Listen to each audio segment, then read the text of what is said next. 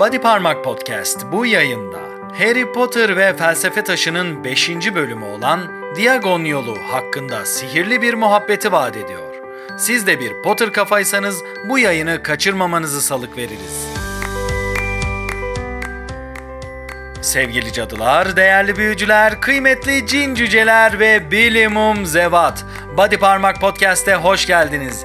Ben mihmandarınız Batuhan Yalçın. Bu yayındaki misafirliğiniz boyunca sizlere eşlik edeceğim. Body Parmak Podcast, J.K. Rowling'in büyücülük dünyası hakkındaki her şey. Ama her şey üzerine sohbet etmek hususunda iddialı bir podcast yayınıdır. Sohbetimiz boyunca Felsefe Taşı'nın 5. bölümü olan Diagon yolu hakkında sihirli bir sohbet edeceğiz. Sizlere incelememizi ve özel notlarımızı sunacağız ve ayrıca bu bölümle ilgili fevkalade anlardan bahsederek size sihirli dakikalar yaşatacağız. Sizin için de yıkım olmayacaksa mevzuya yine bölümün özetiyle girişelim. Bölüm özetleri sadece hafıza büyüsüne maruz kalmış olanlar ya da okuduğunu hatırlamayanlar için değil. İşler sihirli hale gelmeye başladıkça her seferinde bölümden ve içindeki olaylardan yeniden bahsetmek aşırı derecede keyifli. İşte karşınızda Diagon Yolu adlı bölümün özeti. Buyurun efendim.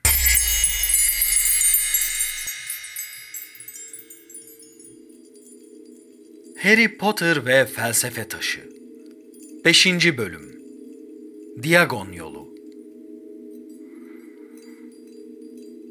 Deniz ortasındaki kulübede uyandığında Harry her şeyin bir düş olduğundan neredeyse emindir. Ancak pencereye vurmakta olan bir baykuşun sesi onu kendine getirir.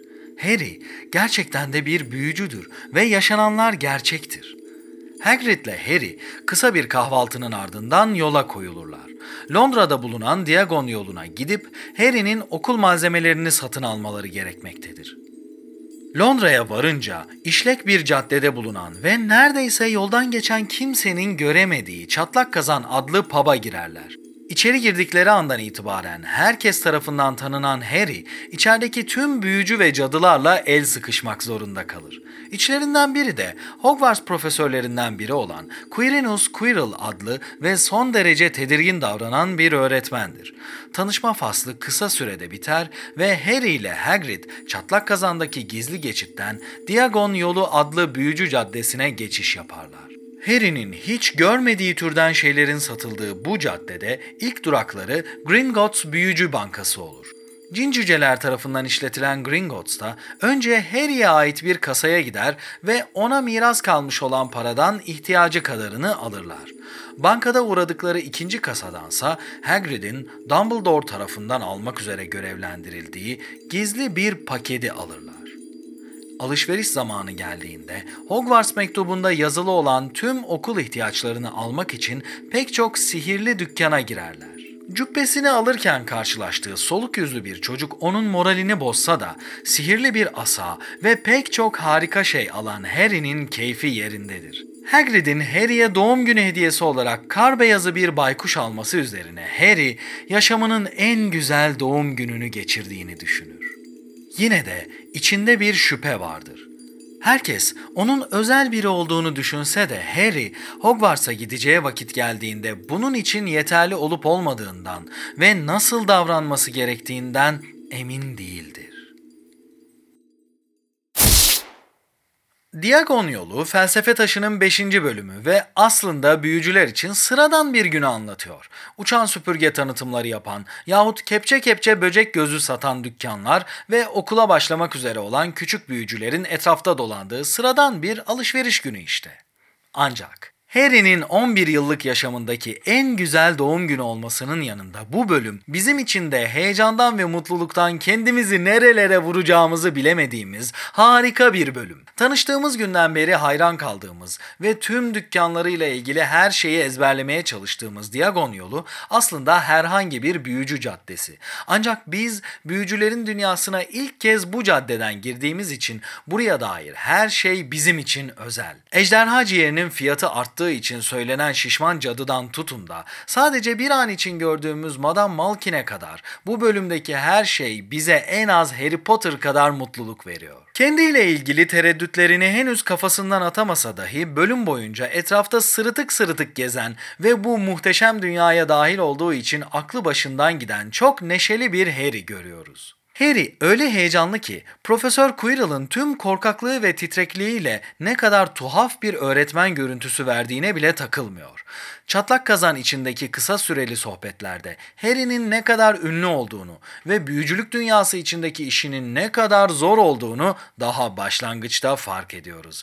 Gringotts adlı büyücülük bankası ve onu işleten cin cücelerle tanışmamız da yine bu bölümde gerçekleşiyor.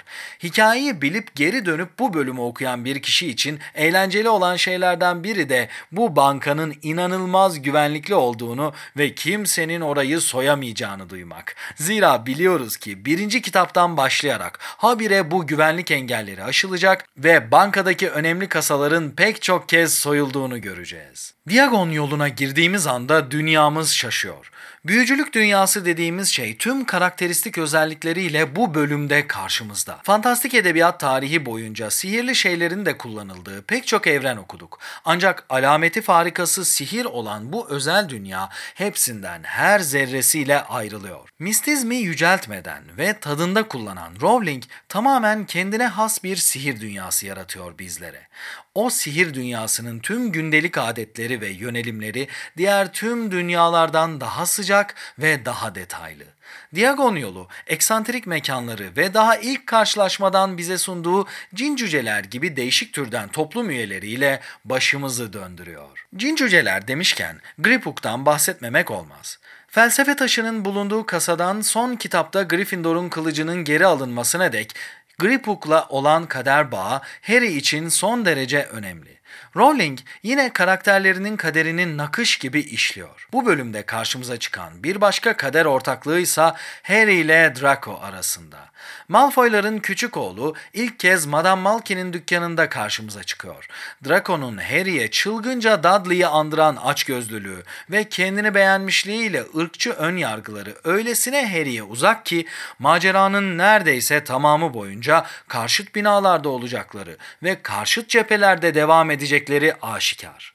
Tabii son ana dek. Serinin tamamını okuyan Potter kafalar olarak burada daha detaylı düşünecek olursak 11 yaşındaki Draco'nun tüm bu fena fikirleri tek başına türetmediğini ve aslında ailesinin kurbanı olduğunu anlayabiliyoruz. Griphook'tan Mr. Ollivander'a, Tom'dan Draco Malfoy'a kadar bu karşılaşmalarda elbette Harry'nin nasıl biri olduğunu da test etme imkanımız oluyor. Sahip olduğu bahsedilen güç yahut ünlü olması Harry'nin sevimli davranışlarına etki etmiyor. O hala kuzeni Dudley'e muzi planetler yapmak için kitap bakan yahut ona hediye edilen baykuşun ona verildiği sırada dili tutulan komik ve içten çocuk. Dahası Malfoy'un Hagrid'e yönelik son derece kaba sözlerinin karşısında Hagrid için bence pırıl pırıl biri diyerek Draco'ya lafı yapıştıran adeta sadakat timsali bir kişi. Zira Hagrid Harry'nin ilk yakın dostu. Diagon yolu sadece bu bölümde değil, seri boyunca ne zaman yolumuz oraya düşse hakkında tekrar tekrar okuma arzusu uyandıran inanılmaz derecede sihirli bir yer. Siz Body Parmak Podcast dinleyicileri için sıradaki bölümümüz bizim özel notlar adını verdiğimiz kısım. Bu kısımda didik didik edilmiş özel notları sizlerle paylaşacağız. Buyurun efendim.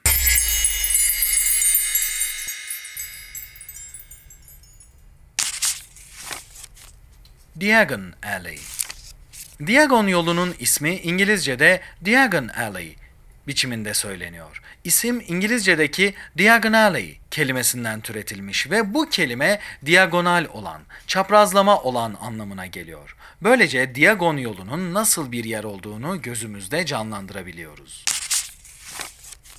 Ticaret erbabı baykuşlar Büyücülük dünyasındaki baykuşlar daha önce bahsettiğimiz gibi sihirli. Burada gördüğümüz üzere gazete getiren bir baykuş ne kadar para alması gerektiğini biliyor ve tüm baykuşlar kimin nerede olduğunu bilecek şekilde posta veya kargo getirip götürmek gibi işleri yapabiliyorlar. Mahsur kalmış Dursley ailesi Bölümün başında Harry ve Hagrid daha önce Dursley ailesinin deniz ortasındaki kulübeye geldikleri kayığı kullanarak hatta o kayığı daha sonra Hogwarts'ta göreceğimiz şekilde sihir yardımıyla ve zahmetsizce denizde yürüterek Londra'ya doğru gidiyorlar. Buraya kadar her şey normal ancak kitapta Dursley ailesinin nasıl olup da bu kulübeden evine doğru döndüğünden bahsedilmiyor. Bu konuda araştırma yaptığımızda iki tane teoriye ihtimal verildiğini görüyoruz. Bir ihtimale göre karşı kıyıya ulaştıktan sonra Hagrid kendi kendine geri dönmesi için kayığı yeniden büyülemiş olmalı. Böylece Vernon enişte uyandığında kayığı eski yerinde bulmuş olabilir. Bir diğer teori ise Hagrid'in Dursley'leri akşama dek kulübede beklettiği ve işleri bitince dönüp onları geri aldığı. Bu teori hem daha eğlenceli hem de akla daha yatkın geliyor. Çünkü Hagrid cisimlenme yoluyla Hogwarts'a geri dönemeyeceği için bir şekilde yeniden testral aracılığıyla okula dönmek zorunda. E, muhtemelen onu adaya getiren testral hala adada onu bekliyor. Kayığı Dursley'lere götüren Hagrid testrale binip öyle evine dönmüş olmalı. Harry kendini tutamadı artık. Sihir Bakanlığı da mı var? Bir sevimlilik abidesi olarak Harry her ne kadar kibar ve sessiz davranmaya çalışsa da bu noktada aklındaki havai fişekleri durduramıyor. Bakanlık gibi muggle kere muggle bir kavramla büyücüleri zihninde bir araya getirmekte bir an zorlanan Harry duyduklarından pek de mana çıkaramıyor olmalı. Hagrid'in anlattığına göre dönemin sihir bakanı Fudge hayli beceriksiz hatta kifayetsiz biri. Üstelik sürekli Dumbledore'dan tavsiyeler alıyor. Bu açıklama Harry için bir anlam ifade etmese de bizim için hayli önemli. Zira yıllar sonra yoldaşlığın karargahı olan Grimmauld Meydanı 12 numaradaki evde Arthur Weasley'den duyduklarımızla Hagrid'in bu açıklaması birbirini tamamlıyor. Hem Arthur hem de Hagrid'in dediği gibi Fudge Dumbledore'u öyle kıskanıyor ve onun karizması altında öyle eziliyor ki hata üstüne hata yapıyor. Bildiğiniz gibi Voldemort geri döndüğü zaman Fudge'ın bunu reddettiğini ve çok kötü olaylara neden olduğunu göreceğiz. Fudge gerçekten oturduğu koltuğu hak etmeyen bakanlardan. Peki ama Sihir Bakanlığı'nın görevi ne? Harry'nin bu sorusuna Hagrid şöyle cevap veriyor. "Ee, Asıl görevi ülkede cadıların, büyücülerin olduğunu muggle'lardan gizlemek. Bu cevap yanlış demeyelim ama eksik bir cevap. Yani madalyonun bir yüzü. Hagrid belki de Harry'i korkutmamak için madalyonun diğer yüzünden bahsetmiyor. Ancak sihir tarihinde böyle bir bakanlığın kurulması ve kurallarını gerektiren kötü durumlar da var. Tarih boyunca pek çok cadı ya da büyücünün hayli yanlış bir ırkçılık fikrine kapılarak Muggle'lar üzerinde avantaj sağlamaya çalıştığını biliyoruz. Muggle'ları hükmedilmesi gereken düşük seviyeli canlılar olarak gören pek çok büyücü var. Üstelik zaman zaman büyücü toplumundan destek de bulmuşlar. Bunlardan en tanınan ikisi Grindelwald ve Voldemort olmakla beraber bu meseleler hayli eskiye dayanıyor. Dolayısıyla 1692 yılında tam olarak yürürlüğe giren Uluslararası Gizlilik Nizamnamesi'nden bu yana tüm dünyada sihir bakanlıkları var ve bu bakanlıklar her ülkede büyücü toplumuyla Muggle toplumu arasında bir denge görevi görüyorlar. Bir döviz olarak Muggle parası. Hagrid, Diagon yoluna yaptıkları yolculuk sırasında metro ve benzeri yolculuk ihtiyaçları için yanında İngiliz Muggle parası bulunduruyor. Ancak bunu kullanmayı bilmediği için o iş Harry'e düşüyor. 2000 yılında J.K. Rowling'in bu konu üzerine American Online adlı internet sitesine yaptığı açıklamaya göre Hagrid, Muggle parasını döviz olarak Gringotts'ta bozdurmuş. Hatta kurnaz cincüceler tüm büyücülerden habersiz olarak Muggle parası trafiğini ellerinde tutuyor ve bu paranın işletilmesi üzerinden kar sağlıyorlarmış. Çizgili defter içermeyen okul alışverişi listesi. Elbette Hogwarts öğrencilerinin okul alışverişi listesi sıkıcı Muggle okullarınınkinden biraz farklı. Zira Muggle okulları çocuklara bir halt öğretmemek ve onları boyun eğen kişiler haline getirmek amacındayken Hogwarts gerçek bir bilim yuvası. Mektubun geçen bölümde okumadığımız ikinci sayfasında bulunan alışveriş listesine göre Harry'nin kimi okul kıyafetleri, kitaplar, araç gereçler ve bir asa alması gerektiğini görüyoruz. Burada dikkatinizi çekmek istediğimiz iki husus var. Bunlardan birincisi kitaplarla ilgili. Kitapların pek çoğu Harry'nin ilk sene göreceği derslere doğrudan kaynak oluştururken iki tanesi bunun dışında kalıyor. Newt Scamander'ın yazdığı Fantastik Canavarlar Nelerdir, Nerede Bulunurlar ve Sihir Kuramı adlı iki kitap Harry'nin bu sene göreceği dersler için doğrudan kaynak değil. Zaten Hogwarts'ta sihirli yaratıkların bakımı dersi 3. sınıfta veriliyor. Bu iki kitap tüm derslerde kullanılması amacıyla ve yeri geldikçe göz atılmak üzere bulundurulan kaynak kitaplar. Mektupta ilginizi çekmek istediğimiz ikinci husussa kıyafetlerle ilgili. Hogwarts mektubunda okul öğrencilerinin hepsinin siyah cübbe, siyah şapka giydikleri, kışlık pelerin bulundurdukları ve isim yazılı künyeler taşıdıkları yazıyor. Yani filmlerde gördüğümüz saçma sapan muggle kravatları veya muggle okul üniformaları gibi garabetler aslında büyücülük dünyasında yer almıyor. Evet, doğru duydunuz. Harry Potter filmlerine şimdiden garabet demiş bulunduk. Body Parmak Podcast'te her kitap incelemesinin sonunda o kitabın tüm bölümlerinin ardından film incelemesi yaptığımız bölümler de dinleyeceksiniz. Filmlerle ilgili geniş kapsamlı fikirlerimizi o zamana dek saklayalım. Ama şimdiden söylemekte sakınca görmüyoruz ki Harry Potter serisinin filmlerini kesinlikle beğenmiyoruz. Çatlak kazan. Londra'nın en işlek mıntıkalarından biri olan Charing Cross Road üzerinde bulunan bu tarihi pub, 520 yıldır büyücülük dünyasının en popüler mekanlarından biri. Muggle tayfa tarafından dışarıdan bakıldığında göze çarpmayan mekan, sihir dünyasında özel bir yere sahip. İsa'dan sonra 1500 yılında Daisy Doddridge tarafından Muggle dünyasıyla sihir dünyası arasında bir geçit oluşturmak amacıyla kurulan bu pub o günden bu yana varlığını sürdürüyor. Çatlak kazan 520 yıldır misafir ettiği kişileri ve vesile olduğu olaylarıyla en az Batilda Bagshot'ın kütüphanesi kadar tarih kokan bir mekan. Quirrell'la el sıkışmak Okul başlamadan yapacağı bir gezide Voldemort tarafından ele geçirilecek olan Profesör Quirrell'la çatlak kazanda tanışıyoruz. Bu bölümde Harry ile el sıkışan Quirrell'a bir şey olmadığını gören bazı okurların kafası karışabilir. Ancak bunda bir tutarsızlık yok. Quirrell bu bölümdeki karşılaşma sırasında henüz Voldemort tarafından ele geçirilmedi. Dolayısıyla Harry ile el sıkışmasında bir beis yok. Ejderha ciğeri. Gramı 17 sickle. Çıldırmış bunlar. Bildiğiniz gibi büyücü parası hesabında 17 sickle zaten bir galeon ediyor. Yani burada bir ifade hatası var. Bu tutup da 1 lira yerine 100 kuruş demek gibi bir şey. Bu ifade hatası kitabın sadece ilk baskısında var. Yeni baskılarda bu hata düzeltiliyor. Ancak bahsettiğim düzeltme sadece İngilizce basımlarda var. Türkçedeki hiçbir baskıda önceki basımların hatalarının düzeltilmediğini görüyoruz. Her ne kadar Sevin Okyay ve Kutlukan Kutlu harika çevirmenler olsa da Yapı Kredi yayınları ikinci kitaptan itibaren iyi çevirmenler bulmak dışında Harry Potter serisini tamamen öksüz bırakmış gibi görünüyor. Hatalar, düzeltmeler yahut yeni resimli baskılar ve sesli kitabın kaliteli olması süreci maalesef Yapı Kredi yayınlarının umurunda bile değil. Hagrid duruyordu orada. Harry'e sırıtıyor, içeri neden giremediğini belirtmek için elindeki iki kocaman dondurma külahını gösteriyordu. Diagon yolundayız. Henüz burada bahsedilmese de Hagrid'in elinde tuttuğu ve müthiş lezzetli olduğundan emin olduğumuz bu dondurmalar Florian Fortescue'nun dondurma dükkanından. Sapıtan cadılar, büyücüler içinde Slytherin'de bulunmamış tek kimse yok.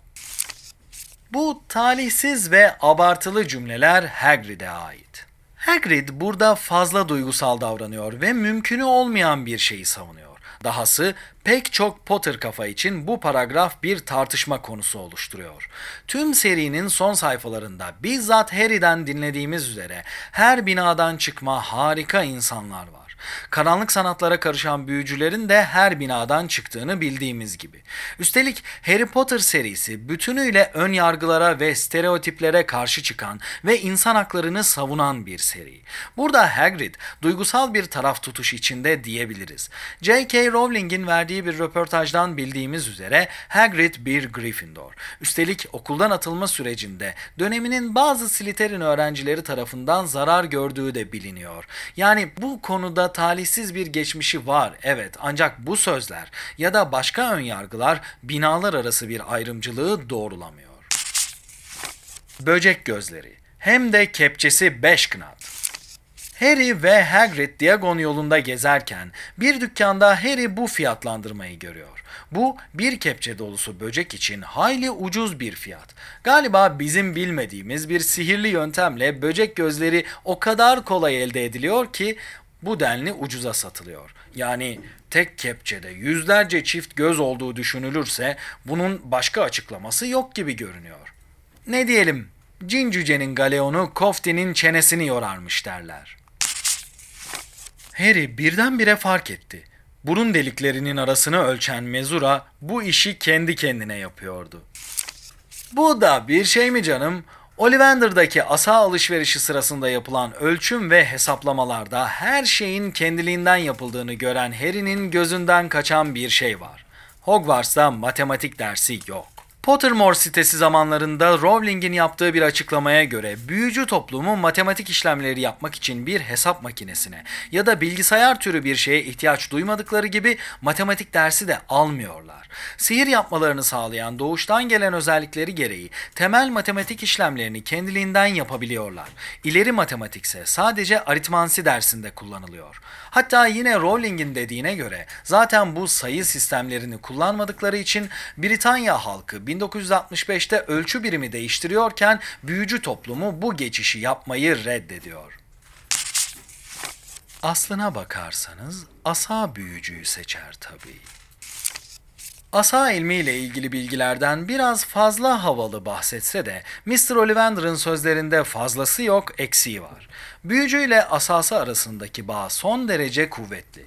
Bu bağın kuvvetini ve önemini önceleri 3. sınıfa dek kendi asasını kullanamayacak olan Ron ve asası kırıldığı için pek çok sıkıntı yaşayacak olan Neville aracılığıyla görüyoruz. İşler ciddiye bindiğinde ise ateş kadehinde karşımıza çıkan Priori Incantatem bağlantısından tutun da ölüm yadigarlarının aranması sırasında asası parçalanan Harry'nin çektiği sıkıntılarda bu sihirli bağlantı yüreğimizi ağzımıza getiriyor. Dahası bu bölüm boyunca Mr. Ollivander'ın Harry'e anlattıkları dışında anlatmadığı bir başka durum var. Harry asasını satın alıp Hagrid'le birlikte dükkandan çıkar çıkmaz Mr. Ollivander hemen Dumbledore'a bir baykuş gönderiyor. Mektupta Voldemort'a ait asadaki teleğin ikizinin bulunduğu asayı Harry Potter'ın satın aldığını bildiriyor. Çünkü Harry'e söylemeye gerek duymadığı özel durum şu ki Voldemort ve Harry'nin asalarında bulunan Anka teleği Dumbledore'un Anka kuşu olan Fawkes'a ait. Biz okuyucularsa bu durumu ancak hemen hemen 4 yıl sonra öğrenebiliyoruz. Her bölüm incelemesi için didik didik araştırdığımız bu araştırmalarda türlü türlü kitaplardan, sözlüklerden ve internet sitelerinden faydalanarak bir araya getirdiğimiz özel notlarımız bu bölüm için işte böyleydi. Şimdi karşınızda Fevkalade Anlar ismini verdiğimiz kısım var. Bu başlık altında incelenen bölümdeki en etkileyici anları, en ilgi çekici imgeleri yahut en duygusal kısımları incelemeye alıyoruz. İşte karşınızda Fevkalade Anlar.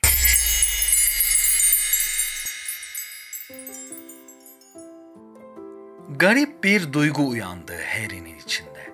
Sanki birahaneyi Hagrid'le kendisi görmekteydi. Bir aidiyetin aşinalığı kimi zaman insanı nasıl hayrete düşürüyor. Muggle'lar pek çok zaman burunlarının ucundaki sihirli şeyleri görmüyorlar. Bu fevkalade anda Harry ile Hagrid'in çatlak kazana doğru yürüdüğü bu sırada yine Muggle'ların bakar körlüğüne tanık oluyoruz. Ancak bu sahneyi sihirli hale getiren şey Harry'nin yaşadığı farkındalık. İnsan bir yaşama, bir mesleğe, bir şehre aidiyet taşıdığında, kendini bu var olma biçimine adadığında gözleri böyle başka başka görüyor. İnsan içinde yaşamının mücevherini bulunca işte böyle baktığı her yerde en özel ve en sıcak parçayı hissediveriyor. Harry haklı. O anda çatlak kazanı gerçekten de sadece Hagrid ve Harry görüyor. Harry ürperdi. Mr. Ollivander'dan pek de hoşlandığını sanmıyordu. Bu fevkalade anda henüz nasıl bir güce sahip olduğunu bilmeyen kahramanımız Harry'nin güç hususundaki tertemiz yaklaşımına tanık oluyoruz. Asasını almak için Ollivander'ın yanına giriyor Harry. Mr. Ollivander ilk andan itibaren kah Harry'nin babası üzerinden, kah Voldemort üzerinden sürekli güçlü bir sihir becerisini övüp duruyor. Hatta sonucunu tasvip etmese de Voldemort'un yaptıklarının büyüklüğünü övüyor. Bu an gelecekte Voldemort tarafından mürver asa için çok büyük işkence görecek olan Ollivander için ironik bir an. Ancak sevgili Harry'nin henüz hiçbir şeyden haberi olmadığı yaşlarda bile gücün sınırları ve kişinin sahip olduğu güce karşılık ahlaki sorumluluğunun da arttığını içten içe bilmesi bizim için fevkalade bir an. Harry gerçek bir kahraman. Herkes özel biri olduğumu düşünüyor. Akşam güneşi etrafı kaplarken Harry, Hagrid'e böyle söylüyor ve yaşamının en güzel doğum gününü geçirmiş olmasına rağmen geleceğin tereddütleri karnında filizleniyor. Dilerseniz bu fevkalade anı iliklerimize kadar hissetmek için kendimizi romanın sayfalarına bırakalım. Akşam güneşi iyice alçalmıştı gökte. Harry ile Hagrid Diagon yolundan indiler. Duvardan sonra da artık boşalmış çatlak kazandan geçtiler. Yolda yürürken hiç konuşmadı Harry. Metroda herkesin kendilerine nasıl şaşkınlıkla baktıklarını bile fark etmedi. Elleri garip paketlerle doluydu. Üstüne üstlük bir de uyuklayan baykuş vardı Harry'nin kucağında. Yürüyen merdivenden Paddington istasyonuna çıktılar. Harry ancak Hagrid omzuna vurduğunda anladı nerede olduklarını. Tren kalkmadan iki lokma bir şey yemeye vaktimiz var, dedi Hagrid. Harry'e bir hamburger aldı, yemek için plastik koltuklara oturdular. Harry boyuna çevresine bakıyordu. Her şey nedense garip görünmeye başlamıştı. İyisin ya Harry, pek sessiz duruyorsun, dedi Hagrid. Harry anlatabileceğini pek sanmıyordu. Yaşamının en güzel doğum gününü geçirmişti. Yine de hamburgerini kemirerek uygun sözleri bulmaya çalıştı. Herkes özel biri olduğumu düşünüyor, dedi sonunda.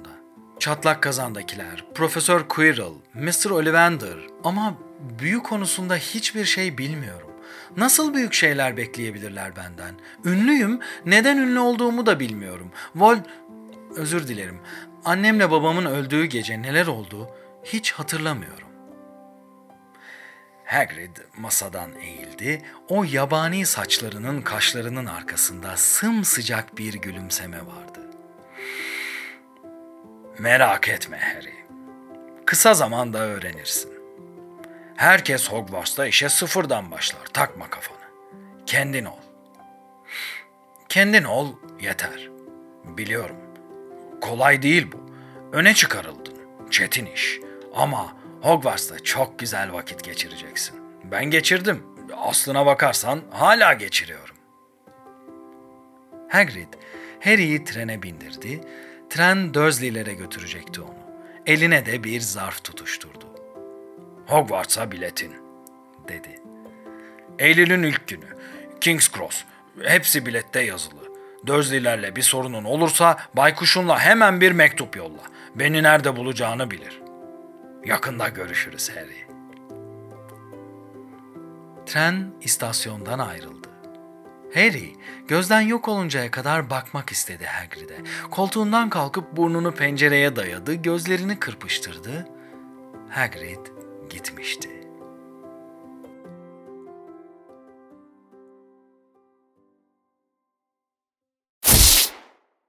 Body Parmak Podcast'te bugün sizlere Yapı Kredi yayınlarının biz Potter kafaları sallamadığından, cin cücelerin borsa numaralarından ve Hagrid'in Harry'e ne kadar güvendiğini söylediği harika anılardan bahsettik.